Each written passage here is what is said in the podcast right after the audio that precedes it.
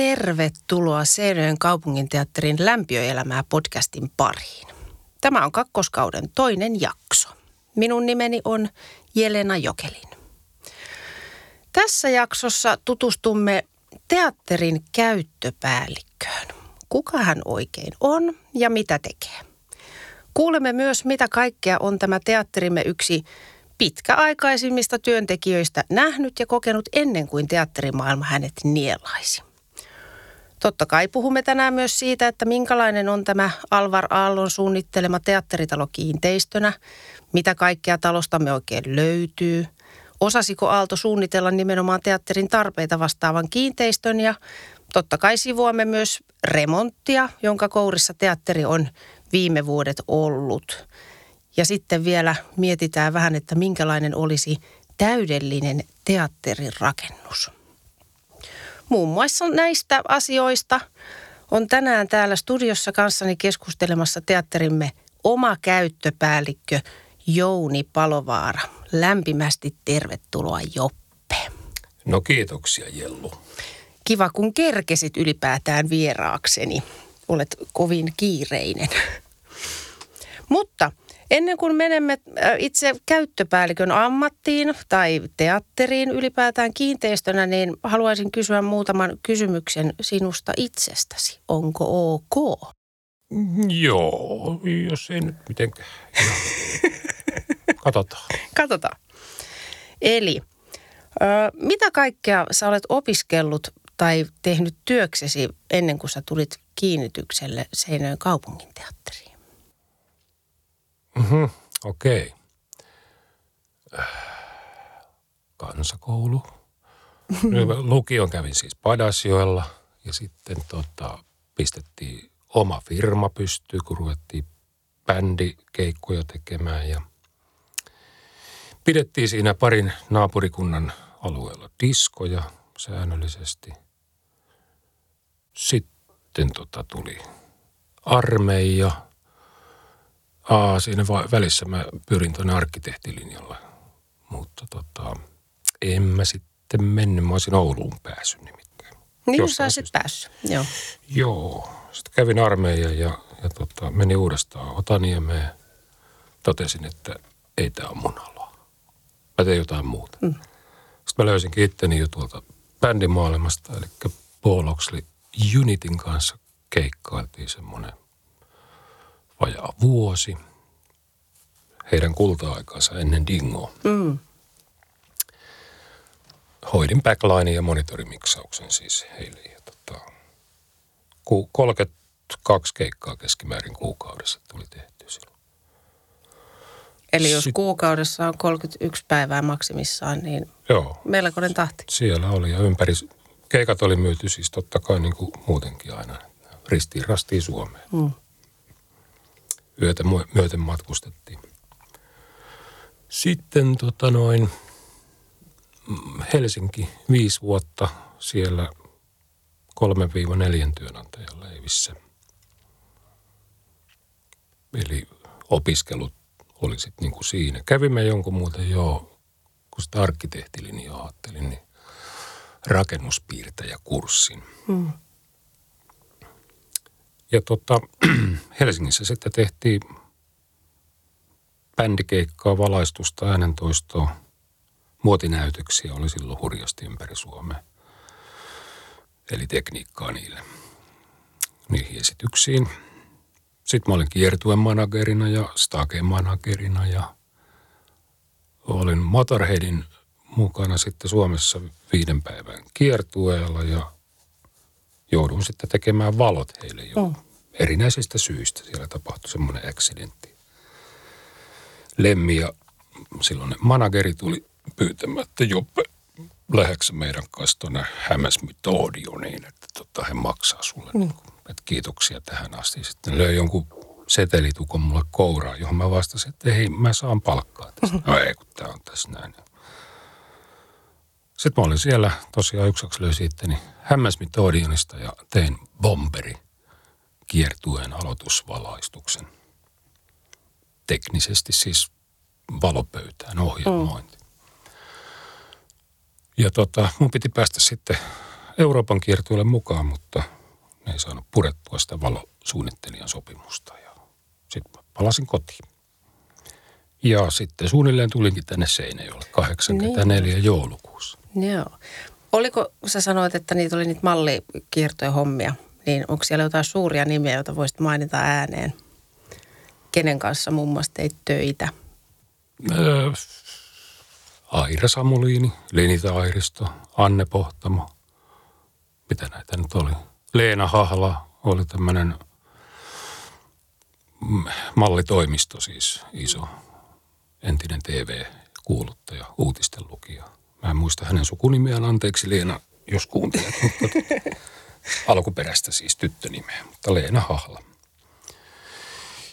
Annen Artsin kanssa saunottiinkin, kun niitä niin säälitti, kun mä sitten jouduin siihen raataa yötä myöten. Joppe, tuu nyt, meillä on sauna lämmin ja sitten mä istuin niiden amerikkalaisten koirien kanssa ja kun yritin sanoa, että istu, kun mä pelkäsin, ne oli niin jumalattoman isoja. Mutta eihän ne ymmärtänyt Suomen, ne niin, ymmärtänyt niin. vaan Amerikka.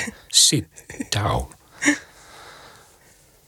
Ja Lenita oli no, kaiken näköistä mm. kivaa kommervenkkiä. Se oli aika ehdoton täti jo siihen aikaan.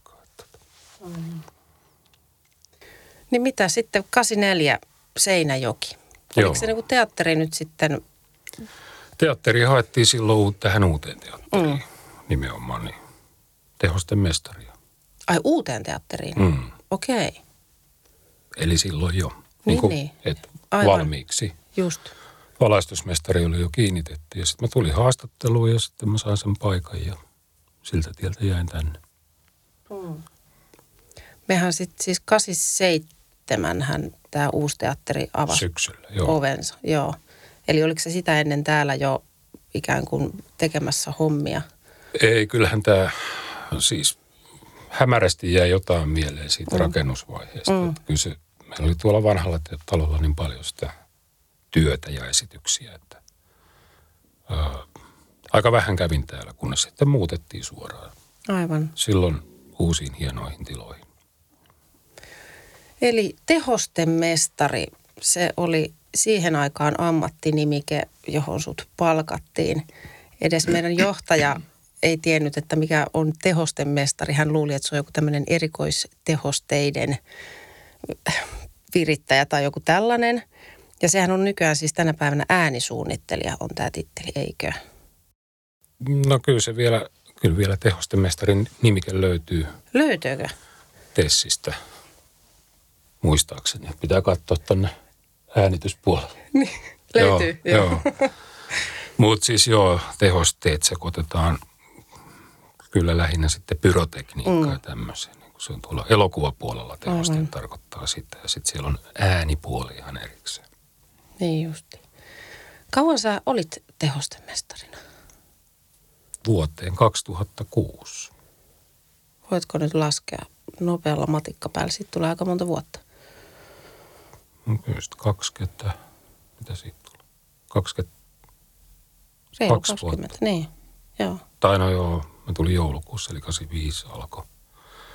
21 vuotta. Joo. Tota, äh, sitten sä teit niitä hommia sen reilu 20 vuotta ja sitten tuli siirtymä ammatista toiseen. Mm. Eli tehostemestarista käyttöpäälliköksi. Kuinka iso harppaus se oli ja kuinka hyvin toi loikka niin sanotusti duunista toiseen onnistui? Vai menikö vielä pitkään sen siirtymän jälkeen, että sä löysit itse vielä tuolta niin kuin äänityspöydän takaa? Tai oliko se ihan sitten niin kuin suoraa sitten vaan homma vaihtui? Kyllä se oli aika kertanapsauksella mm. sitten, koska sitä työtä oli todella paljon.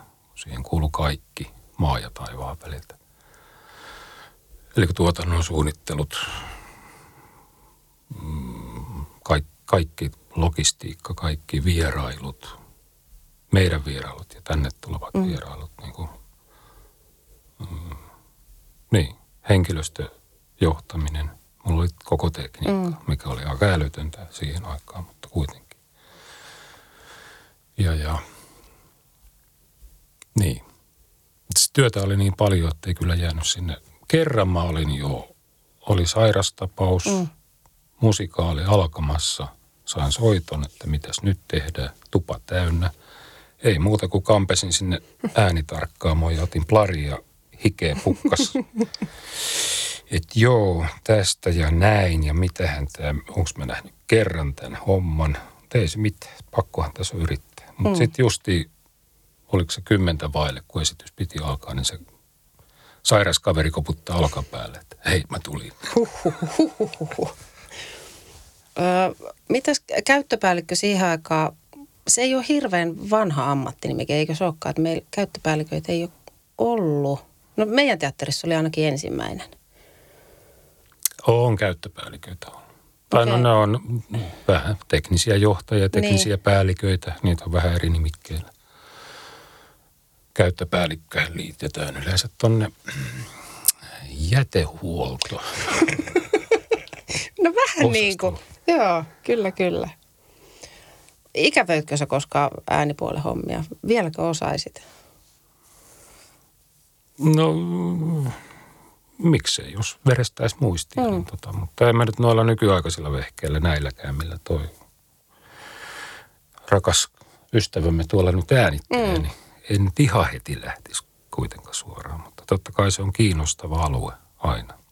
Mutta tässä on tullut paljon muuta, mikä sitten kiinnostaa ehkä Mm. Aivan.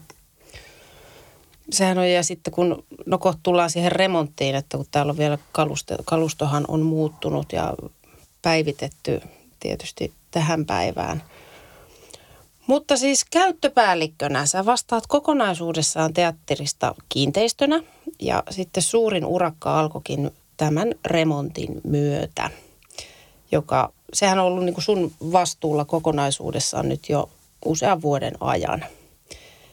Niin ennen kuin mennään nyt tarkemmin siihen itse remonttiin, niin mitä kaikkea käyttöpäällikön toimenkuvaan ja arkeen niin kuin tänä päivänä nyt sitten kuuluu? Et kun sä selitit, että aluksi oli niin kuin kaikki mahdolliset asiat kuuluu siihen, mutta nythän se on vissiin vähän tarkentunut se toimenkuva. Jota, no, joo, pitää vähän korjata, että mm.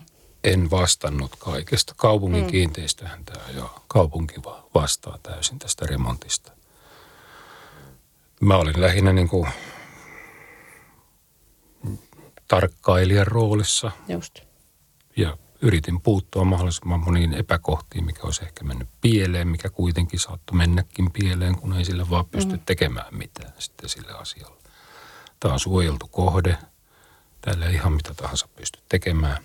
Ja, ja tota, tässä on kuitenkin museovirasto valvoo tätä. Mm. Alvar-säätiö on antanut museovirastolle täydet valtuudet. Museovirasto valvoo arkkitehtitoimisto, joka antaa sitten ohjeistukset sitten kaikesta ylipäätään, mitä täällä tehdään. Ja kaupunki taas vastaa kiinteistön niin kuin LVIS-töistä. Eli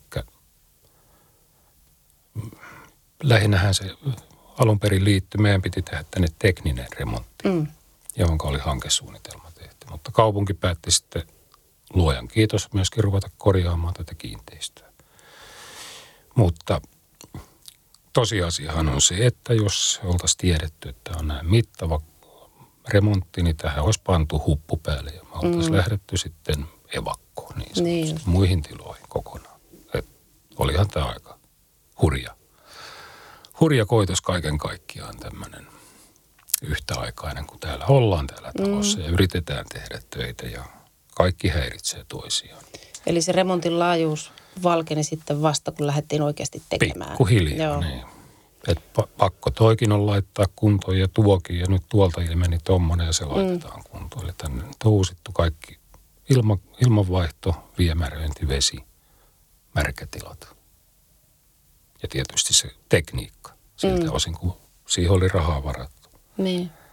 No toi onkin nyt sitten seuraava aihe, mihin mennään, että mitä kaikkea täällä nyt oikeasti on tehty – mitä remppoja. Nyt mainitsitkin jo osa, mutta sittenhän on esimerkiksi pintojakin on laitettu tosi paljon uusiksi, mitä itse tuossa nyt on pystynyt seuraamaan mistään mitään tietämättä. Kaikki toiminnalliset tilat pyrittiin laittamaan kuntoon. Mm. Meillähän ei ollut tämmöistä studiotilaa esimerkiksi, missä me nyt istutaan. Mm. Nämä on pienet tilat, mutta kuitenkin onpa edes jotakin. Aivan. Et, et nyt on noilla pojilla edes voi sanoa, että on työtila niin mm. niin sanotusti. Löytyy valopuolelle oma työtila tuolla ylhäällä. En tiedä, onko sitä vielä otettu käyttöön, mutta tässä on äänityspuoli ja sitten on videopuoli ja sitten kapellimestari. Nämä on kaikki tässä samassa. Mm. Kampaamo, tarpeisto, uusittiin ö, pukuhuoneet näyttelijöille. Mm. Lähinnä WC-osasto siellä tehtiin uudistusta. Ja, ja. Pukuhuoltajan tilat. Pukuhuollon tilat, joo. Ne muistan. Siitä on, eikö on maalattu aika paljon kanssa? Kaikki on niin kuin niin. korjattu ja saneerattu ja niin. tehty nykyaikaiset poistumistiet ja, ja, ja tosiaan tämä ilmanvaihto sitten, kun tämä saadaan lopullisesti säätöön ja kuntoon, niin pitäisi olla huomattava ero. Mm. Mitä veikkaat, koska voidaan sanoa, että remontti on täysin valmis? Ihan viimeistä naulaa myöden. Ei koskaan. tota, mistä se tuli? Äh, siis kyllä jonkunnäköinen deadlinehan oli nytten elokuun loppuun, mutta tuolla tuli laitetoimituksessa lähinnä tuolla IV-puolelle ilmavaihto hmm. laitteiston puolella ja käyttöönotossa myöskin kaikki logiikka sinne ja ohjelmointi, niin kestää vielä jonkun aikaa plus ne säädöt, mistä mainitsin. Että joka paikkaan saadaan oikeat ilmamäärät ja poistot. Mm. Mutta tota, sitten siellä on vielä sitä pientä, pientä fiilausta, mitä ehkä yksi tai kaksi remonttimiestä täällä sitten jatkaa. Niin just. Suunnilleen ovi kerrallaan ja kaihdin kerrallaan ja lukko ja jotain pieniä vaurioita, mitä mm. tai hyllyjä laitetaan ja vähän koukkuja seinille vielä. Niin, niin. eli tuommoista niin. enemmän niin kuin sisustuksellista melkein. Joo, ja sitten niitä asioita, mitä on henkilökunnalta tullut niin sanottu puutellista tai mm. huomattu vikoja tai korjaustarpeita. Niitä, niitä ruvetaan laittamaan. Arkkitehti Alvar Aalto, niin osasiko hän sun mielestä, vähän säädetään mikkiä tässä, jos kuuluu kolinoita, niin älkää ihmetelkö. Osasiko hän siis suunnitella sun mielestä nimenomaan teatterin tarpeita vastaavan talon? Ei. Mistä Valitet... tuo tuli? en minä tiedä. Valitettavasti tuohon kysymykseen pitää vastata ei. Mm. Sanotaan, että ihan toiminnallisesti ja akustisesti kaikista varmaan surkuhupaisin. Anteeksi vaan, Alvari, rakas. Mutta Finlandia talohan on mm. erittäin huono esimerkki akustiikasta. Mutta ei tämäkään ole mikään mahtavaa Siinä oli muistaakseni suunnitteluvaiheessa Alvar totesi, että tästä tulee niin moderni ja hieno talo, mm. että näyttämölläkään ei tarvita lavasteita, koska se on näin. No joku, niin. joku tämmöinen. Mä en muista, miten Joo. se sana tarkasti meni, mutta eihän se nyt ihan niin pitänyt paikkaansa. Ja kyllä mä muistan silloin, kun mä olin tuolla itse tota, tekemässä nyt jotain viidettä päivää putkea tai ensiltaa valmisteli. Ja sinne tuli tämmöinen arkkitehtiryhmä ja siellä silloinen kaupungin arkkitehti esitteli. Ja tuolla ylhäällä meillä on sitten ääni- ja valotarkkaamat ja se on täysin automatisoitu. Siellä on vaan miehet valvomassa. Meinasi heittää mä jollakin. Mä sanoa, että Kaidu huusit jotain. Ei, mä nousin sieltä vaan katsoa pahasti, mutta ei ne, ei ne tajunnut. Mä just, olin just. vaan valvojana siellä. Niin, niin. Kyllä, kyllä. Että... Joo, siis Alvarsalihan sehän on tosi haasteellinen akustiikaltaan mm. ollut aina. Mä en tiedä, on me vissiin jotain parannuksia sinne yritetty tehdäkin vuosien varrella. Ei sitä akustisesti ole mitenkään saatu, mutta mm. nythän meillä on sitten immersiivinen äänentoistojärjestelmä, eli tavallaan mennään sinne sähköakustointiin, vai mitä? Yes. Nyt Niitä melkein tarvitaan peukkuja. suomennosta tähän immersiivinen. Immersiivinen äänentoisto on semmoinen, kun on ollut, niin kuin puhuttiin stereoista tai että siellä on joku keskiääni Just. kaiutin, että vähän saadaan sitten, siellä on niin kuin left ja right. Nyt siellä on iso rypäs kaiuttimia, jolloin se äänen suunta saadaan kohdistettua mm. jokaiselle kuulijalle katsomossa, että se tuleekin tuolta vaikka se artisti tai bändi tai mm. kuka tahansa, mikä on sitä vahvistettua tai sitä tehtyä ääntä.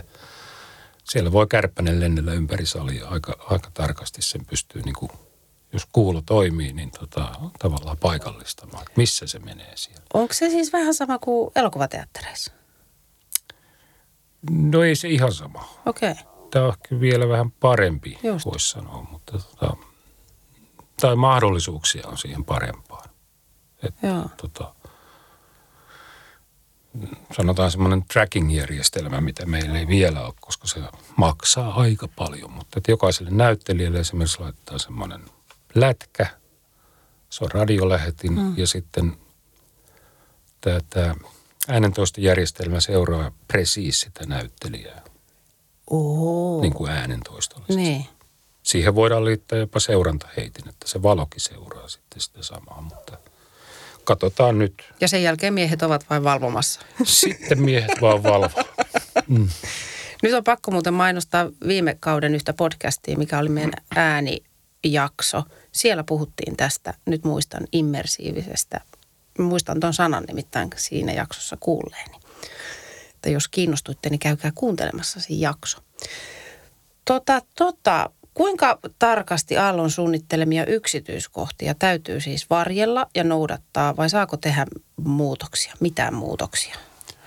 No tämä koko kiinteistöhän on jaettu sille ykkösestä neljään eri alueisiin. Mm. Ykkösalue, joka käsittää pääasiassa aulatilat, yleisötilat siis ja Alvar-salin mm. siihen nollaan asti tai eturamppiin asti.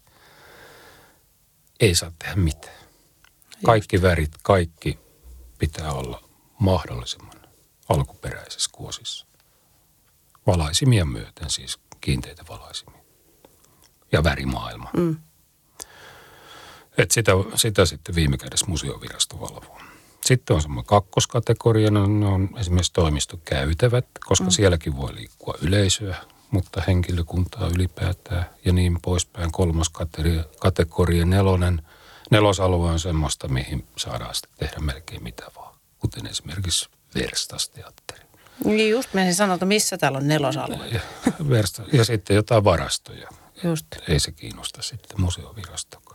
Mutta neliömäärät tietysti ja niiden käyttötarkoitus ja paloluokat ja mm. näin, ne kiinnostaa sitten tarkastusviranomaisia.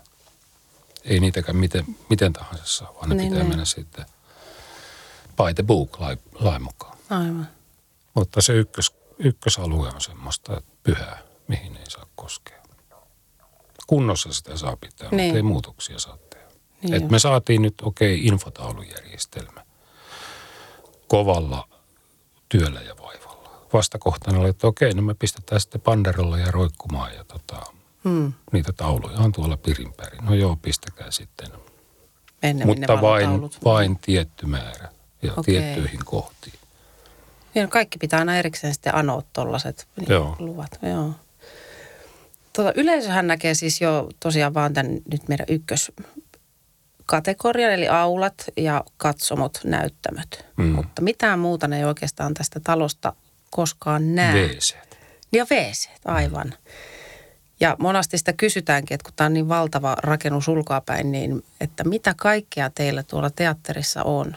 Mitä kaikkea meillä täällä käytävillä on, mistä esimerkiksi yleisö ei tiedä mitään? Niin kuin tiloja lähinnä. Täällä on tämmöinen äänitystudio. Esim. No sitten mitä tuossa vaan mainittiin. Kampaamo, tarpeiston valmistus, tarpeistovarastot, perukkivarastoja, pukuvarastoja, puvustamo iso, mm. joka on vanha puuverstas. Ja joka verstasteatteri on siis vanha metalliverstas, mm. plus yksi varasto siihen otettiin. Ja meillähän on verstas, eli lavastamo toimii tuolla teollisuusalueella mm. on jo ollut useita vuosia. Sitten on erinäisiä varastotiloja. ja tosiaan nämä kapelli, äänitystudio, mm. videoeditti. Valotarkkaamosta löytyy nykyään työhuone sekä projektorihuone. Plus siellä on tämmöinen, no enpä sanokaan mikä. Mutta sinne vietiin vanhoja katsomon penkkejä.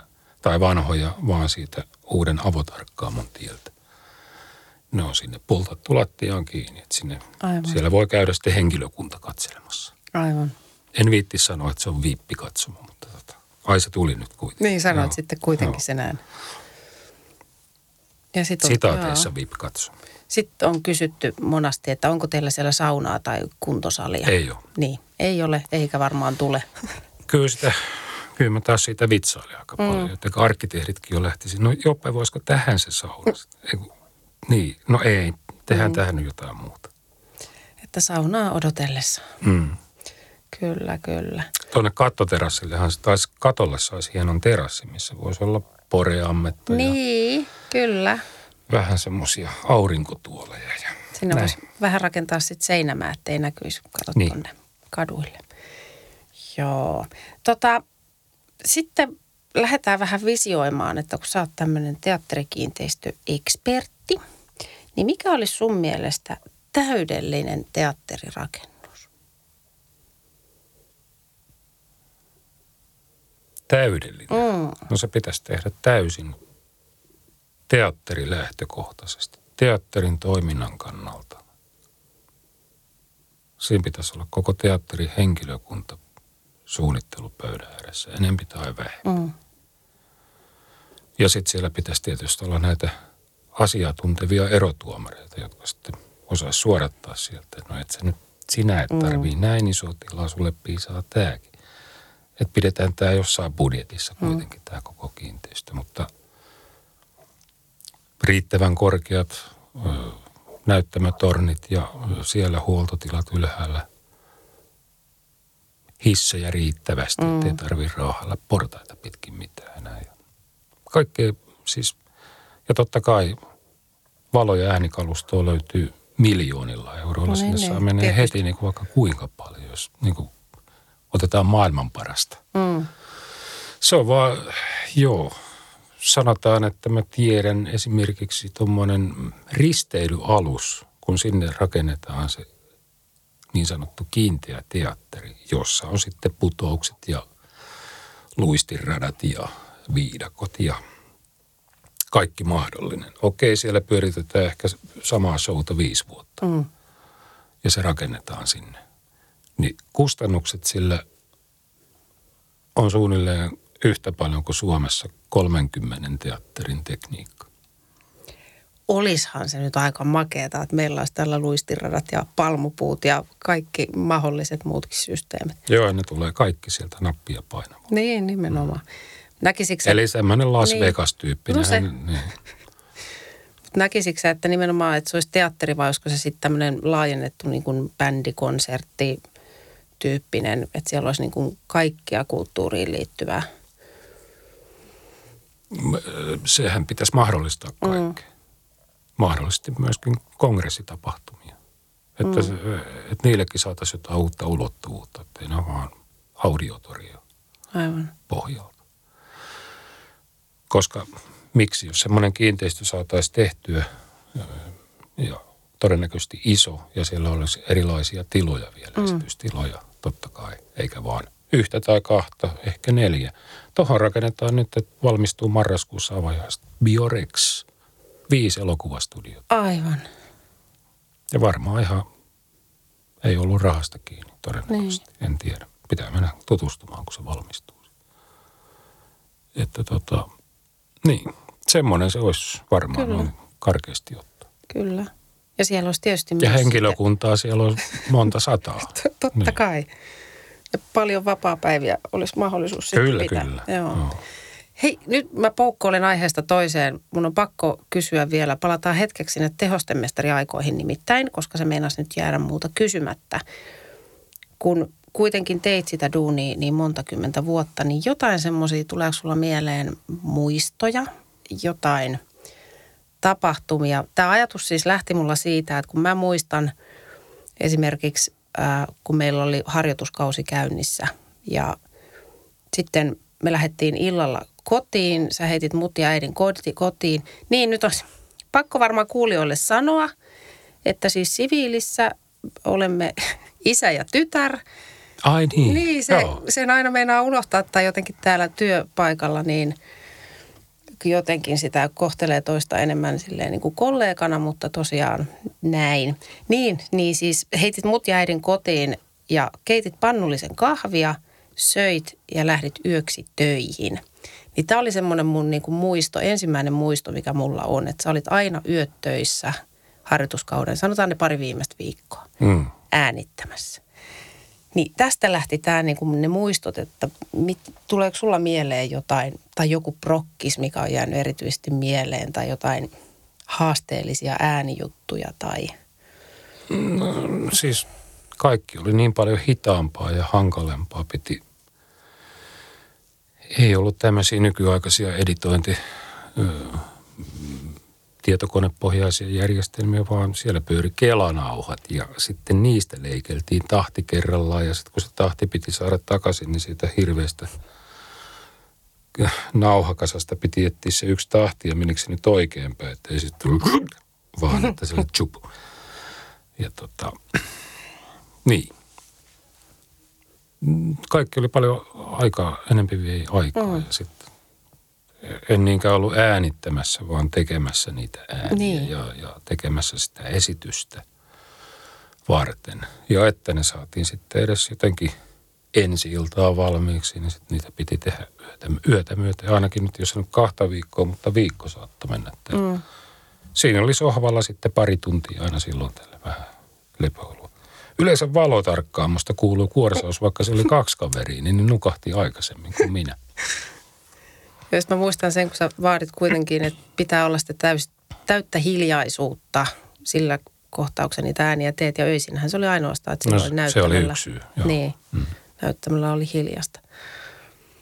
Oliko tällaisia, että sulla oli mikrofoni ja äänityslaite ja sä pongasit tuolta luonnosta ääniä talteen? Joo. Mä muistan, se oli oikein hieno reissu. Mä otin tota Datsun Serin perään tota, niin mikrofonikaapeli ja 50 metriä vai 100 metriä, yhden mikin ja semmoisen, tein semmoisen tuulisuoja häkkyrän siihen ja, ja ajoin tuonne Vaasan Raippaluodon kärkeen, missä myrskys oikein kovasti. Piti saada merenkohi aaltoja. Mm. Sitten tota semmoinen pikku kasettinauhuri, millä mä sitä tallensin ja kuuntelin luureille, että jep, jep, hyvältä kuulosta. Ja istuin siellä sitten join termarista kahvia varmaan tunnin äänitin sitä sinne sitten putkeen. Mm. Tuun takaisin ja sitten seuraavana päivänä kuuntelin sitten, niin sieltä kuului semmoinen täm, tämmöinen ääni. Mä mitä hemmettiin, niin se oli joku ruohonkorsi hankas. Ei.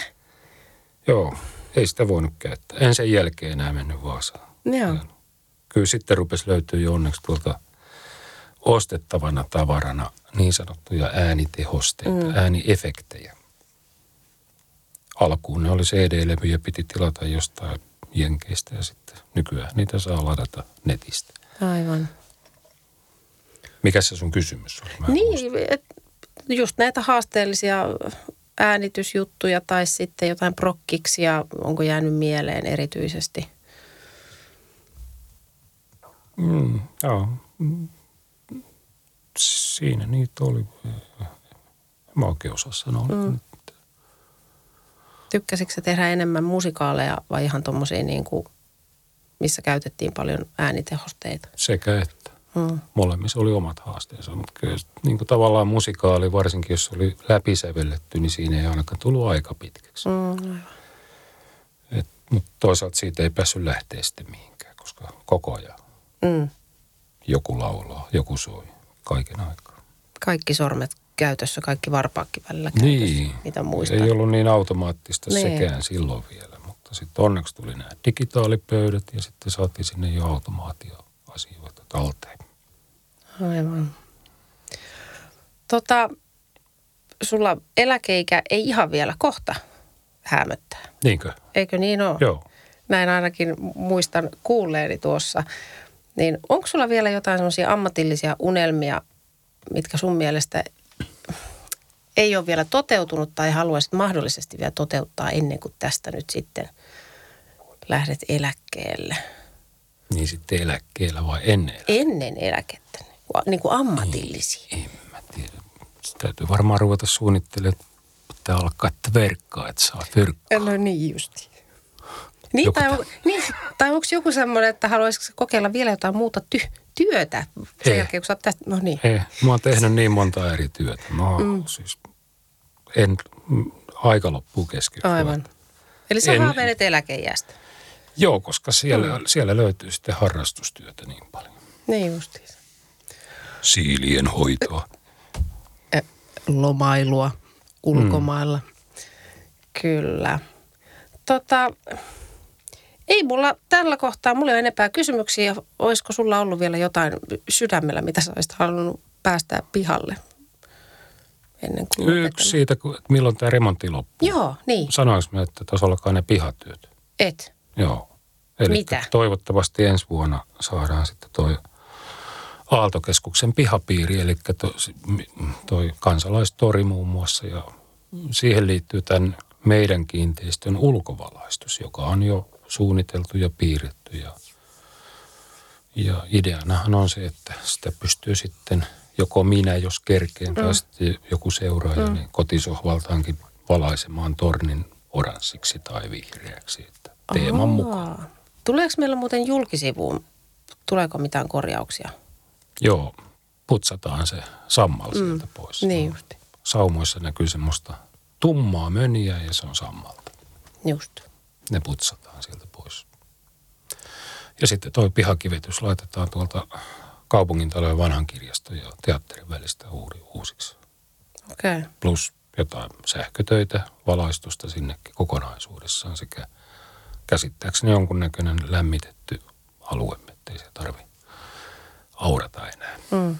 Eli se olisi niin kuin ensi kesä. No Niin näin mä kuulin nyt viimeisen, mutta voi olla, että menee pari kolmekin vuotta vielä. Mm. Kuinka nyt rahat piisaa kaupungilla? Aivan. Niin, jos ei sulla muuta, niin minä kiitän.